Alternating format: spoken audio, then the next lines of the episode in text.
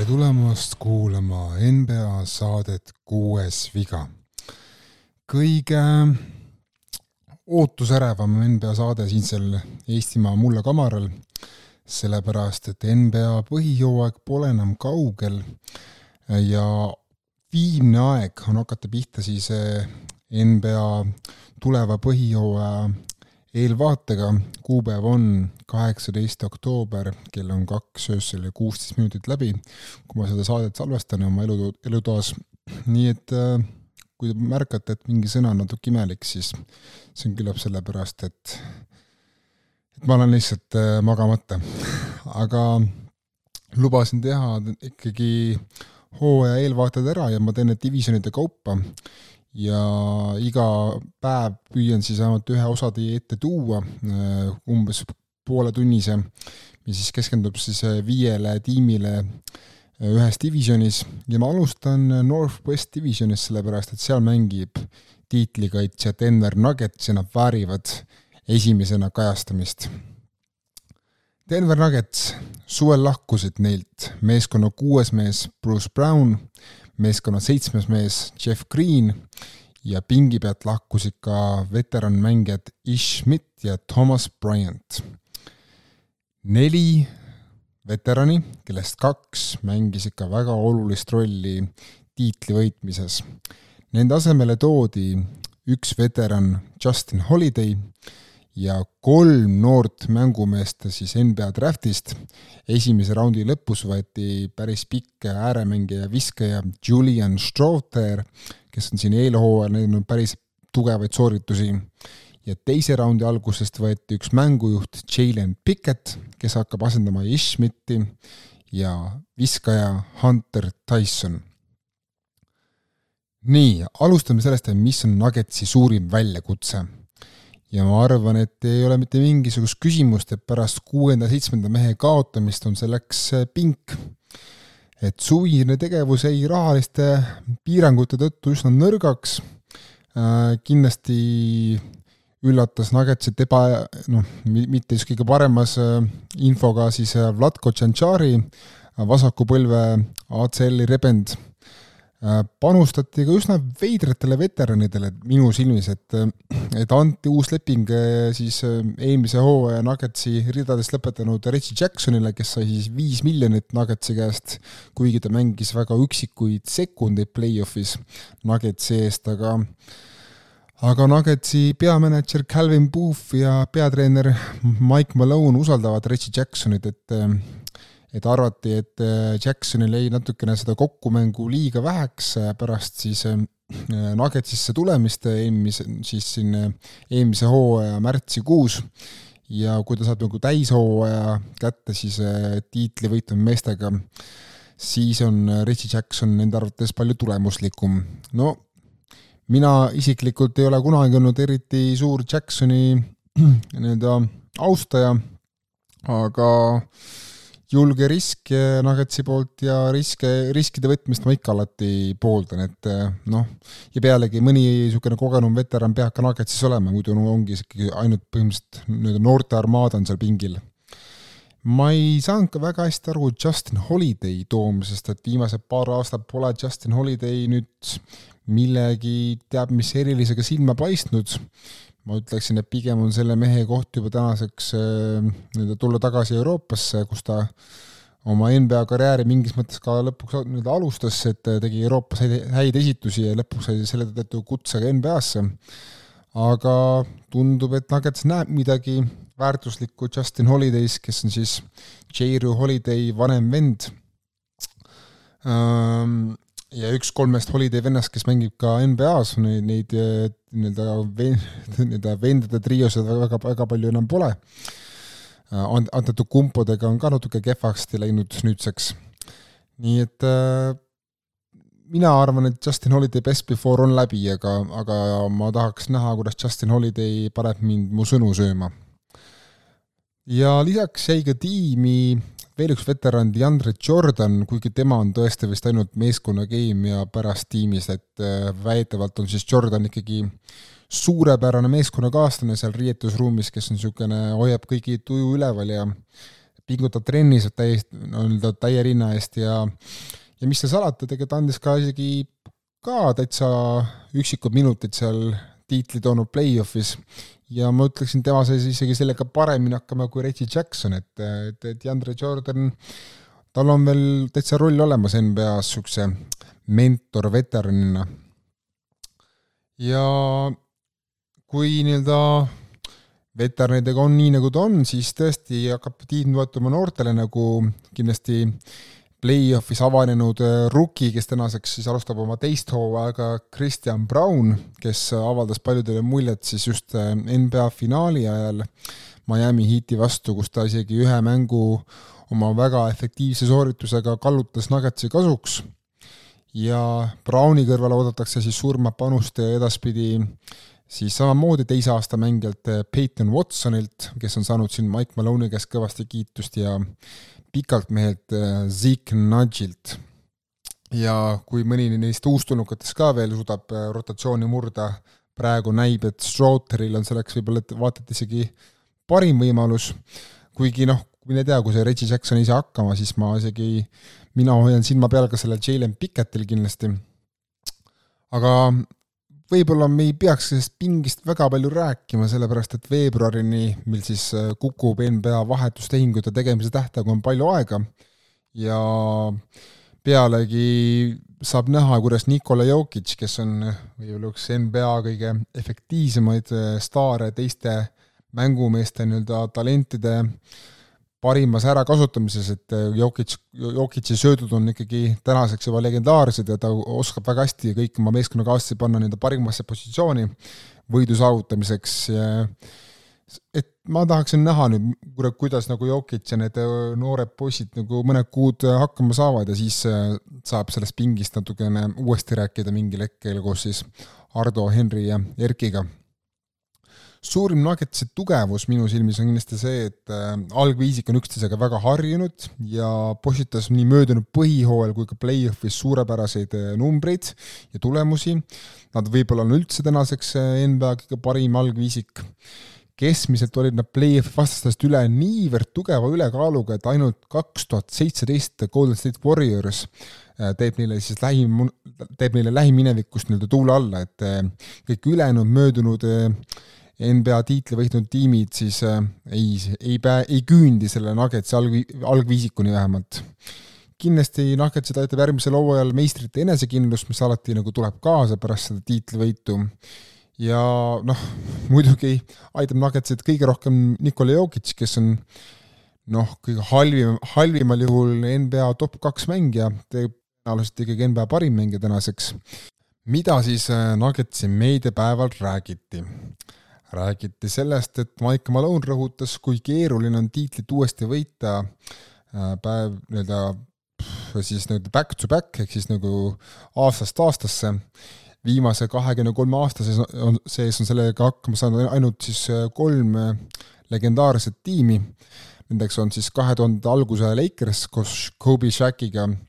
kahe tuhande kümnendate alguse Miami Heat Lebroni, Wade'i ja Boschiga ja siis loomulikult äh, Golden State Warriors äh, Curry, Duranti, Clay Thompsoni ja Draymond Greeni ja Andre Iguodalaga, et, et äh, neid tiime on väga vähe, kes on suutnud back-to-back võita tiitlit. Ja, ja,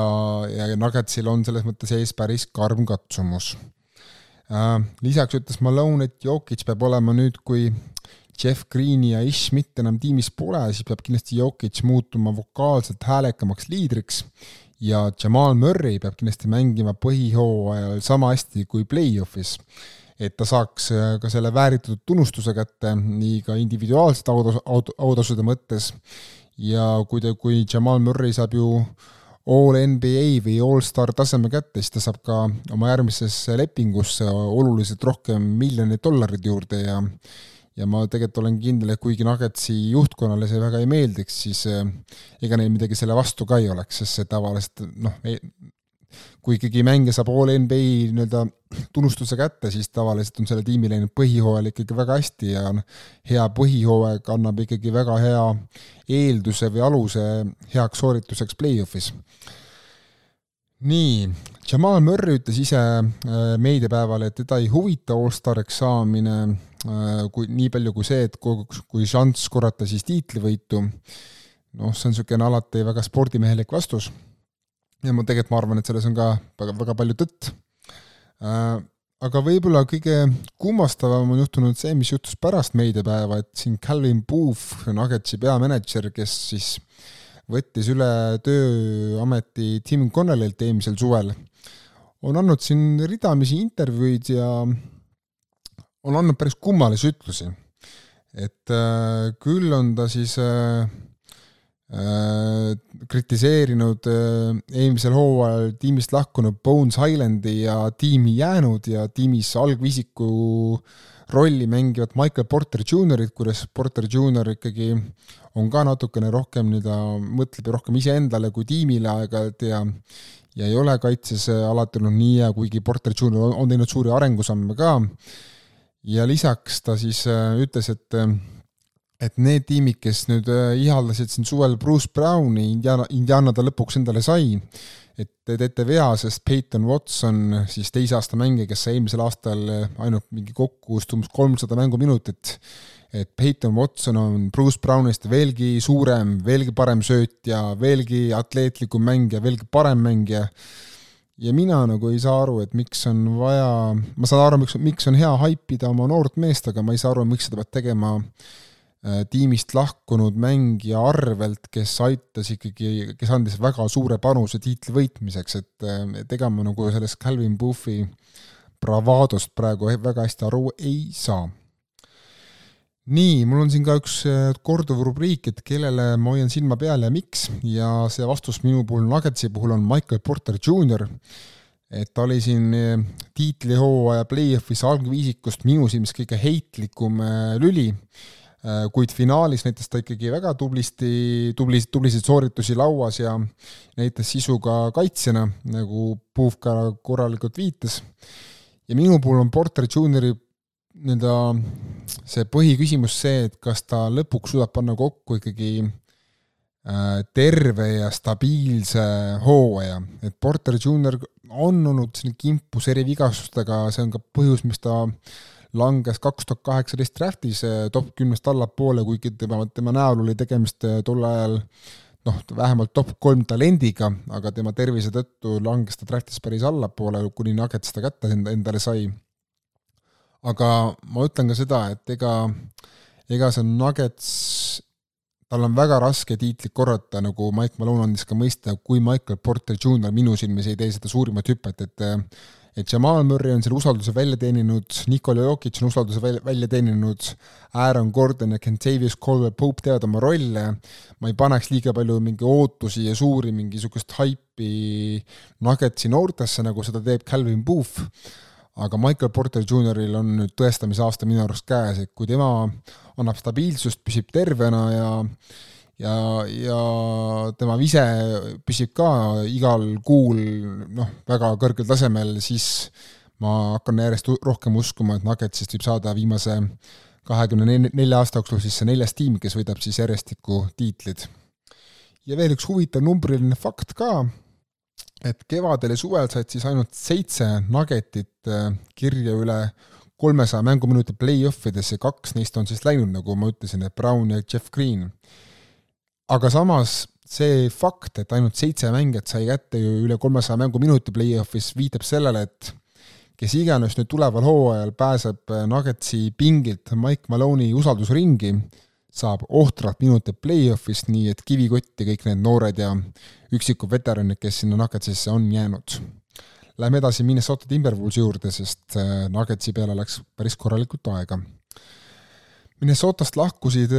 siis veteranäär Torian Prince, äh, viskav tagamängija Jalen Noel ja veel üks viskav tagamängija Austin Rivers ja tiimiga liitusid äh, viskav tagamängija Shake Milton, äär Troy Brown Jr ja uustulnuk Leonard Miller Kanadast, kes mängis eelmisel hooajal G-liigas äh, G-League Ignite meeskonnas. mis on siis Minnesota suurim väljakutse? no jätkuvalt on see minu silmis Carl Anthony Townsi ja Rudy Goberti klapitamine ja paaritamine, et NBA-s on ju teisigi tiime, eelkõige siis Cleveland Cavaliers, aga ka näiteks Detroit Pistons ja või noh, ma ütleksin, et ka Boston Celtics tegelikult, kes üritavad siis läbi lüüa nii-öelda kaksiktornidega, aga nende ümber Cavaliers, Pistons, Celtics ja teised, nende ümber ei käi pidev jutt sellest, kuidas üks, kuidas ühe tsentri nimel siis anti ära põhimõtteliselt terve tiimi tulevik, et äh, nii nagu Minnesota seda tegi Rudy Goberti nimel ja lisaks on ka Towns ja Gobert oma statuurilt ja kuulsuselt nimekamad kui teiste kaksiktornide nimed, ma väidaks praegu. eelmisel hooajal said Rudy Gobert ja Carl Anthony Towns mängida koos natuke alla kolmekümne mängu ja Towns tegelikult tõesti pingutas, et, et Rudy Goberti aidata, aga vigastused rikkusid siis selle kokkumängu harjutamise ära nüüd on minu kür-, nüüd ma siis küsin, et kas seekord siis äkki läheb teisiti ja ja Towns ja Rudi Gobert saavad siis vähemalt kuuskümmend mängu koos ja saavad äh, selle koostöö klappima. suurim Minnesota tugevus minu silmis on nende noorm äh, liider Anthony Edwards ja tema areng, äh, kevadeks juhtohjad haaranud siis kahekümne ühe aastane tagamängija minu silmis pakatab talendist ja karismast ja tahtest olla siis USA korvpalli uus suur eh, nimi ja kuju.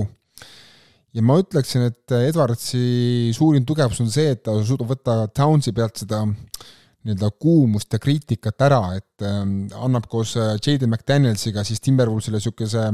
vajaliku noorusliku plahvatuse ja sellise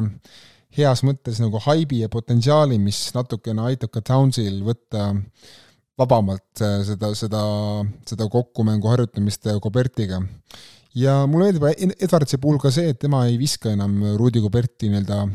meedias nii-öelda piltlikult bussi alla, et äh, ta ikkagi järjest küpseb vaimselt ja temast on kujunemas ikkagi selline heas mõttes intervjueeritav inimene, kes äh, kaitseb oma meeskonnakaaslasi peaaegu igas olu-, olukorras mida siis meediapäeval räägiti Minnesotas, oli ikkagi see, et Edwards on, Edwards väljendas seal pahameelt, et äh, meedia üritab teda ja Townsi pidevalt lahku ajada, et kogu aeg äh, käivad jutud, et äh, Carl Anthony Towns peab või Rudy Gobert peab lahkuma tiimist, et et Minnesota saaks uuesti mõelda tule, tuleviku peale. Ja selline jutt ei meeldi ei Edwardsile, ei meeskonna peatreenerile Chris Finchile ega kellelegi teisele, nii et palun lõpetame ära selle Townsi ja Edwardsi lahkuajamise kellel ma hoian sellel hooajal eriti silma peal Minnesotast, on kindlasti Jaden McDaniels ja tema leping, sest isegi kui Timberwolves ei too tagasi Mike Conlit järgmisel suvel ja Kyle Andersoni, on neil ikkagi rahaga päris kitsas käes, kui McDanielsi hind kisub üle no näiteks saja kahekümne miljoni dollari järgmise nelja aasta peale, et ähm, kolm makslepingut noh, lihtsalt NBA uues, uues rahalises mängumaailmas sunnib, sunnib niimoodi, et kui kui üks neist on nii kulukas, nagu seda on näiteks Carl Anthony Townsi leping, sest Edwards saab praegu kolmkümmend viis miljonit, Gobert saab nelikümmend miljonit, aga Towns saab juba praegu viiskümmend ja see tõuseb varsti kuuekümne miljoni peale, et äh, ainult Warriors praegu maksab neljale mehele peaaegu maksimumlepingut, aga isegi nemad ei maksaks siis äh, nii palju nagu äh, võib hakata maksma Timberwolves, kui J.D. McDaniels saab siis äh, kopsak, kopsaka lepingu Minnesota käest. nii et mina hoian eelkõige sellele areng, sellele nii-öelda sündmuste jadal silma peal. ja muu huvitav numbriline fakt on võib-olla siis see, et äh, Rudi Kuberti keskmine ploki, laua ja punktisaldo oli siis enne möödunud hooaega nii kehv viimati siis, kui ta võitis kaheksa aastat tagasi siis Jazzis algvisiku koha eest koos Enes Kanteriga ja minu küsimus on nüüd see, et äh, kui nüüd Coberti numbrid ei parane, äh, võib-olla ma küsin, sõnastan ümber. kas Rudi Kubert suudab veel ühe korra tõusta või kahe, kaheks aastaks tõusta liiga parimaks või top kolm mängijaks laua ja ploki võitlejana või on tõesti tegelikult Rudi Kuberti füüsiline allakäik alanud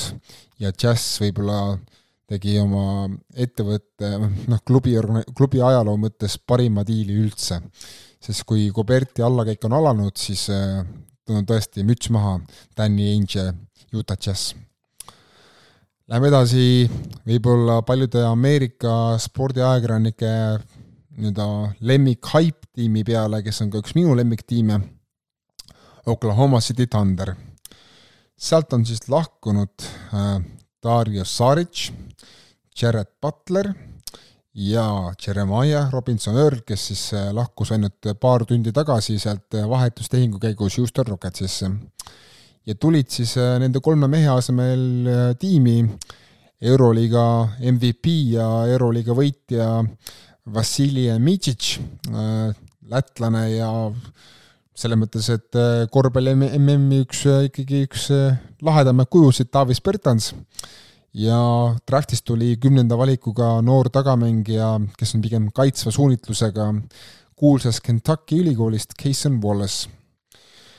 suurim UKS-i väljakutse on minu silmis ikkagi see, et võistkond on endiselt nii noor, isegi pärast Midžitši tulekut, kes on seal kolmekümne lähedal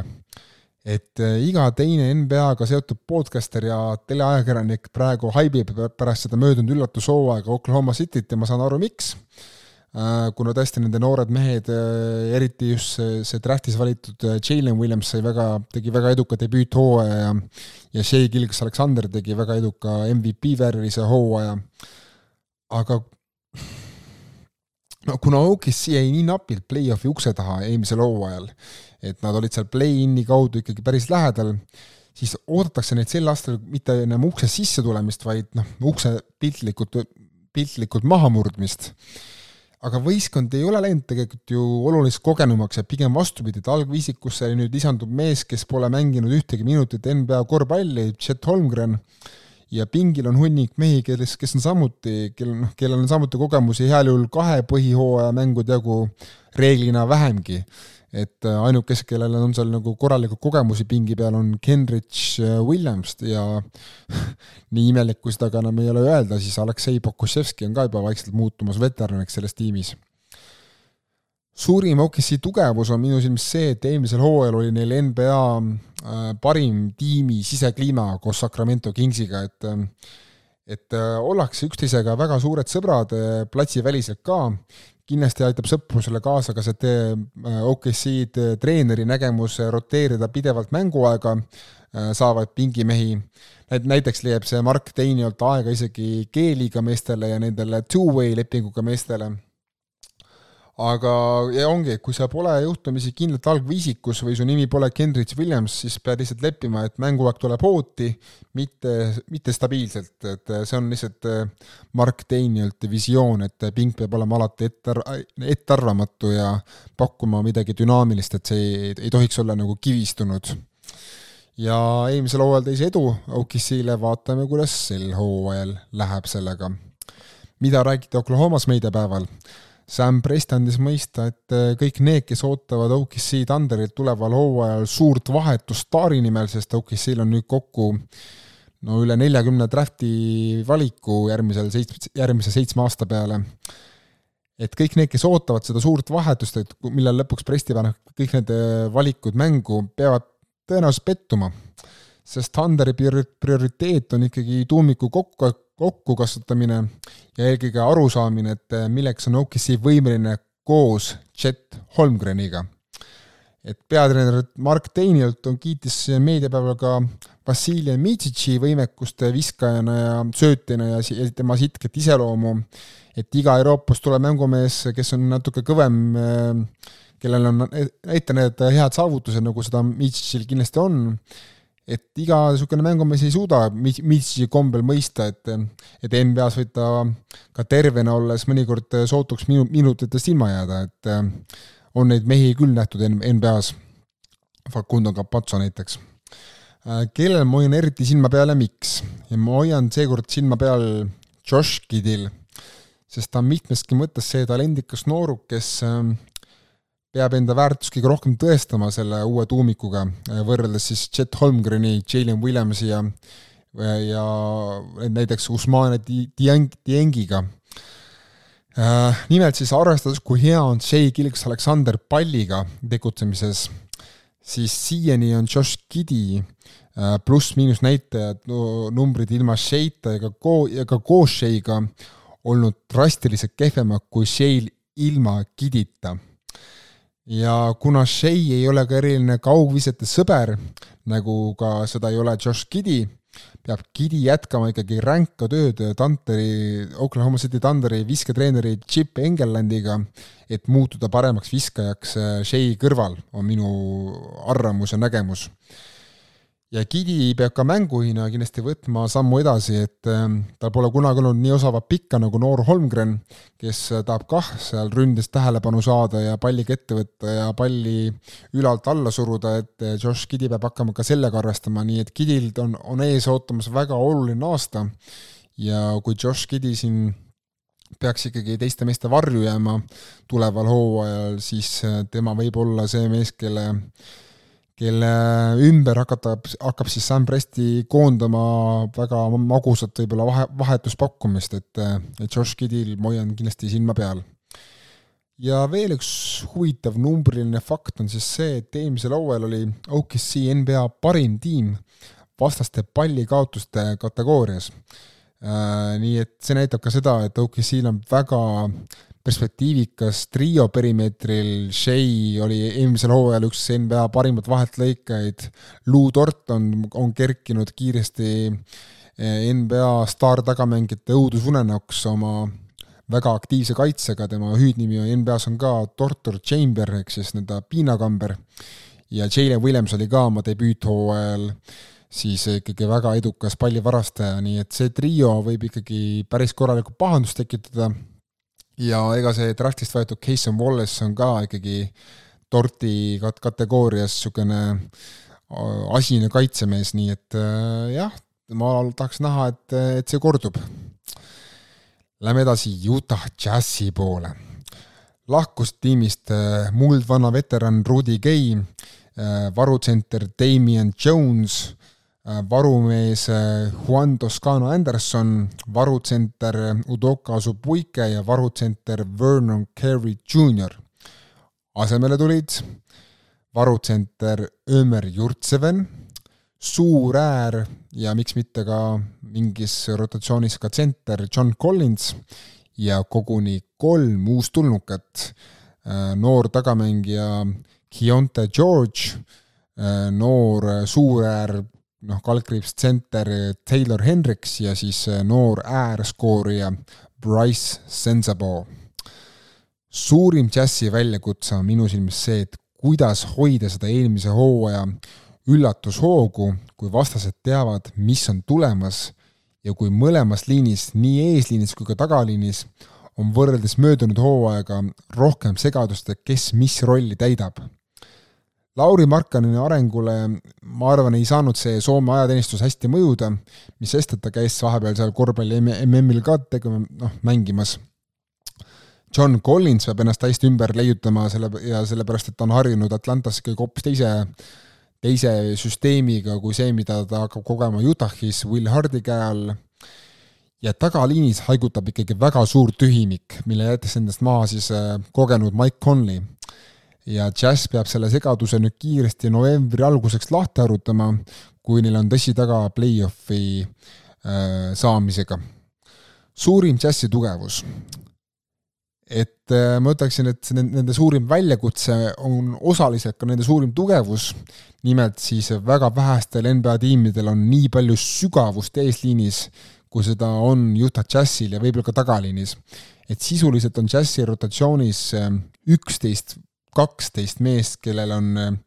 keda on igati kõlblik saata NBA platsile mängima mitmeks minutiks ja kes ei jää seal selgelt hätta, kui neid äh, klapitada koos sobivate meestega, et see just see sobivate viisikute leidmine saab olema Will Hardi suurim väljakutse, aga sügavust ja nagu talenti rollimängijate näol on, on Will Hardil kõvasti. mida Utah'is räägiti meediapäeval? Rääkida seda, et põhimängujuhi kohale käib väga suur konkurss kuni põhihooaja alguseni välja. Äh, Will Hardy, siis Jazzi noor peatreener, võrdles seda katsumust nende näljamängude äh, filmi, filmisarjaga. ja võib-olla seda ka tooks välja meediapäevalt, et Keonta George, noor siis Jazzi uustulnukas, kollanokk,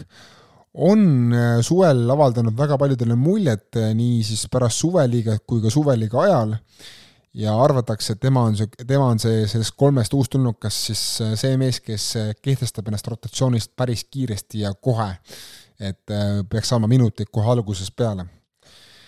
kellel hoian mina silma peal ja miks? ja vastus on sama, mis eelmise, millega ma just lõpetasin, Keonta George on see mees, kellel ma hoian silma peal. Et kui Jazz tahab koos Lauri Markkaneniga mingit äh, tõusu teha Lääne konverentsi tipu suunas, siis peab vähemalt üks Jazzi noorukitest kujunema kiirelt staariks et kes oleks ründes piisavalt hea tandemi kaaslane Lauri Markkanenile. ja ma arvan, et George'il on selleks palju enam potentsiaali kui Hendriksil, Otšaiak Padžil või, või, või Volker Kessleril. et lihtsalt äh, suveliiga ja see eel, eelhooaeg on nagu reetnud, et Keontae George libises draft'is liiga palju oma kauget, oma selle, oma kaalu ja vigastuste, vigastuste tõttu, mis tal ülikoolis oli probleemiks et Keonta George on nüüd võtnud kaalust kõvasti alla ja vigastustest on ka lahti saanud, nii et tundub, et Jazz võib-olla varastas ühe väga andeka tagamehe draftist. Ja kui Keonta George on kõike see, mida ma loodan, siis tõesti Donovan Mitchell'i see igatsemine saab olema väga üürike. ja võib-olla üks huvitav numbriline fakt siia lõppu veel ka,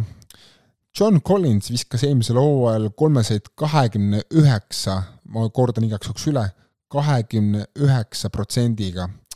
ja üldse väljakult äh, alla viiekümne protsendi. Ta näitas enne sõrmevigastusi võimet tabada kaugelt äh, kolmekümne üheksa protsendiga, ehk siis kümme protsenti paremini.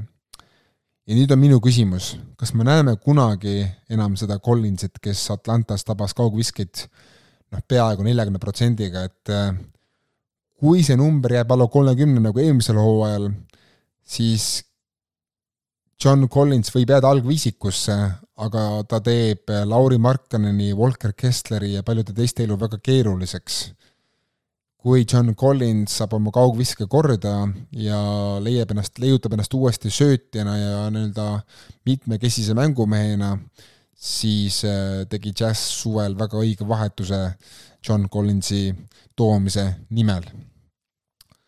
aga üldiselt mina arvan Jazzi puhul seda, et äh, parim rotatsioon on selline, kus on Keonta George, Ochai Ekbaji või George, jah, Keonta George, Ochai Ekbaji, Lauri Markkanen, Kelly Olünük ja Volker Kessler algviisikus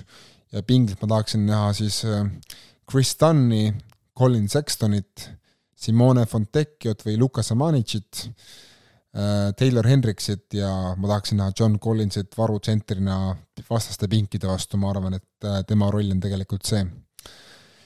Ja viimane Northwest Divisioni tiim on siis Portland Trail Blazers, kus siis suvel lahkusid Damien Lillard, Yusuf Nurkic, Keon Johnson, Nasir Little, Trendon Watford, Cam Reddish, Drew Eubanks ja Gina Van Williams. ja tulid DeAndre Ayton, Malcolm Brockton, Robert Williams, Scoot Henderson, Chris Murray, Ryan Rupert, Tumani Kamara ja lõpuks on siin ka äh, Greg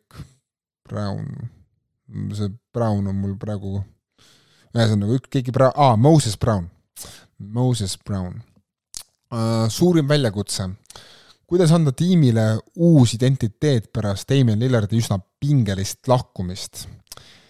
et kes võtab siis sellest Jonesi Pillupsi juhitud satsis nii-öelda liidriohjad, kas seda teeb näiteks kohe äh, draftis kolmandana võetud äh, väga plahvatuslik tagamängija Scoot Henderson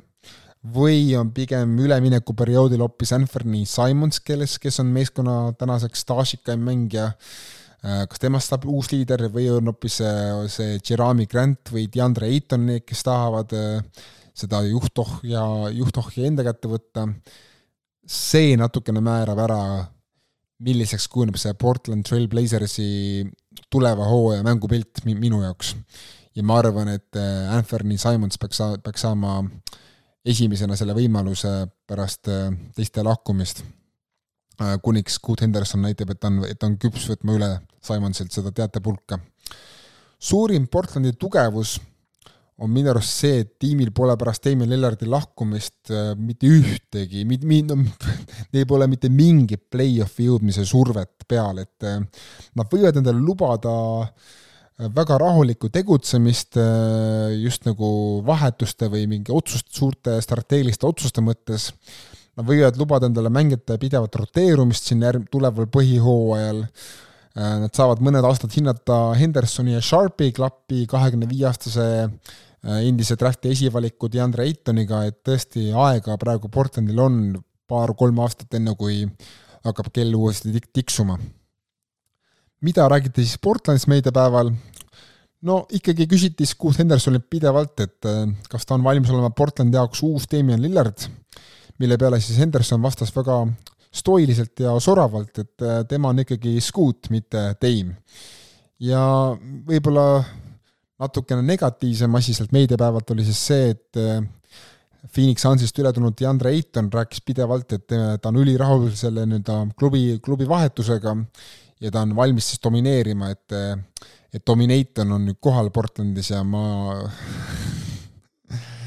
ma lihtsalt ei osta kunagi seda juttu ära DeAndre Aytonilt. ja lisaks võib-olla mõnda üllatab ka see, et et kui siin Portland seda vahetuste virvarri tegid pärast seda Damien Lillard, Lillardi vahetamist, siis vahetati, vahetati kiirelt ära ka J-Ro Holiday'le vastu, tuli siis Malcolm Brockton ja Robert Williams. ja arvati kohe, et, et Malcolm Brockton läheb siis ka pärast seda ära, aga Portlandi peamänedžer Joe Cronin andis mõista, et Malcolm Brockton ei pruugi kuhugi lahkuda Portlandist, sellepärast et kui me vaatame seda Portlandi tagamängijate rotatsiooni, just äh, äh, nii-öelda neid väikse, väiksemad mängijad, siis seal ongi ainult Henderson ja Anthony Simons ja noh, ma paneksin sinna lahtrisse ka Shadon Sharpi, kes on pigem niisugune viskav tagamängija kui äär, et et kolm meest on, kes on väga, kes saavad ka palju minuteid tuleval hooajal, aga nende taga ei ole eriti kedagi, et pärast seda tuleb umbes Skyler, noh, Skyler Mays, kes ei ole nagu nüüd teab, mis talent, et äh, Malcolm Brocktoni sugune kogenud noh, kaalutlev, tark veteran, ma arvan, võib mõjuda väga hästi Hendersoni ja Simonsi arengule, et äh, ma, ja, ja ka Sharpi arengule. et sellepärast ma täitsa saan aru, miks Malcolm Brockton võib jääda Portlandi isegi pikemaks ajaks, kui me, kui me praegu arvame. aga kui keegi pakub siin veebruarikuus Brocktoni eest hea kaupa, noh, küll, küll Portland midagi välja mõtleb selle müügiga äh, kellele hoiame eriti silma peale, miks? DeAndre Ayton on see vastus, et äh, Anthony Simonson on ennast natuke tõestanud ilma Damien Lillardita. Scoot Henderson on minu jaoks ikkagi marunoor, äh, marunoor korvpallimängija, kes, äh, kellele ma annan aega nüüd latra seada, kuid just Phoenix Sunsis, eriti just viimasel kahel aastal natukene mandunud Eitonit, saadab, saadab ikka terve rida küsimusi, et kas ta on üldse vaimselt piisavalt tugev ja järjekindel, et olla tiimi liider või üks liidritest, milleks ta on üldse? Võimeline tiimi number üks või number kaks äh, ründava, ründava variandina. ja Sansis ju läksid ta suusad ikkagi päris risti tagameeste treeneri ja juhtkonnaga, et ta ei saanud, äh, et ei saanudki nagu õiget pilti lõpuks ette sellest DeAndre Aytonist, et äh, miks tal ikkagi nii kehvasti need suhted lõpuks läksid et on olemas kindlasti Eitoni versioon ja teiste versioon, mina natukene usun seda, kuidas siis öelda, seda sahinat Phoenixist, et DeAndre Eiton on niisugune klassikaline ülitalendikas pikk, kes ei ole pidanud kunagi väga tööd noh, ma ei taha öelda, et ta ei ole pidanud tööd nagu vaeva nägema, aga ütleme nii, et tal on tõesti antud Jumala poolt keha ja ja võib-olla korvpall pole ta nüüd esimene armastus, et pigem on äkki videomängud see esimene armastus tänaseks. Ja noh, see, see sellise, sellist tüüpi nagu olekuga, mis Eitonil on, mina, mina lihtsalt nagu ei osta praegu neid aktsiaid ära, aga Eitonil on kõik kaardid olemas, et mind, et mind ümber veenda tuleval hooajal, et näidata, et Eitonis on sisu, et ta oli ikkagi asja eest eh, kaks tuhat kaheksateist eh, drafti number üks valik, mitte, mitte ainult talendi pärast nii et äh, DeAndre Ayton, pall on sinu käes ja näita meile, mis suudad. ja võib-olla siis üks huvitav numbriline fakt siia ka veel otsa, Anthony Simons, siis ilma Damien Lillardita äh, keskmised näitajad olid tal kakskümmend kaheksa punkti, viis koma seitse söötu ja kolm lauda. Päris head näitajad, et äh, tahaks nüüd näha, kas äh, see kandub üle nüüd äh, tulevasse hooaega, kui kandub üle, siis Anthony Simonsist saab kindlasti üks hooaja nii-öelda suuremaid komeete võib-olla USA spordimeedias vähemasti. Et äh, Simons on natuke unustatud mees siin Eitoni, Scoot Hendersoni taustal ja Jeremy Granti uue lepingu taustal ka, et Grant sai siin, sai, sai vist üle saja viiekümne miljoni dollari, aga Anthony Simonsil on, on olemas ka nagu siin teekond kujuneda Portlandi tuleva hooaja esindusnäoks, et äh, elan kaasa. Äh, järgmises osas võtan ette siis selle Pacific Divisioni Lakersi, Clippersi, Warriorsi, Sunsi ja Sacramento Kingsi. nii et olge kuuldel, aitäh, et kuulasite, palun vabandust, kui diktsioon oli natuke nõrk, ega siin kell kolm öösel noh, ei ole kõige lihtsam. aga jah, aitäh, et kuulasite ja tšau, pakaa!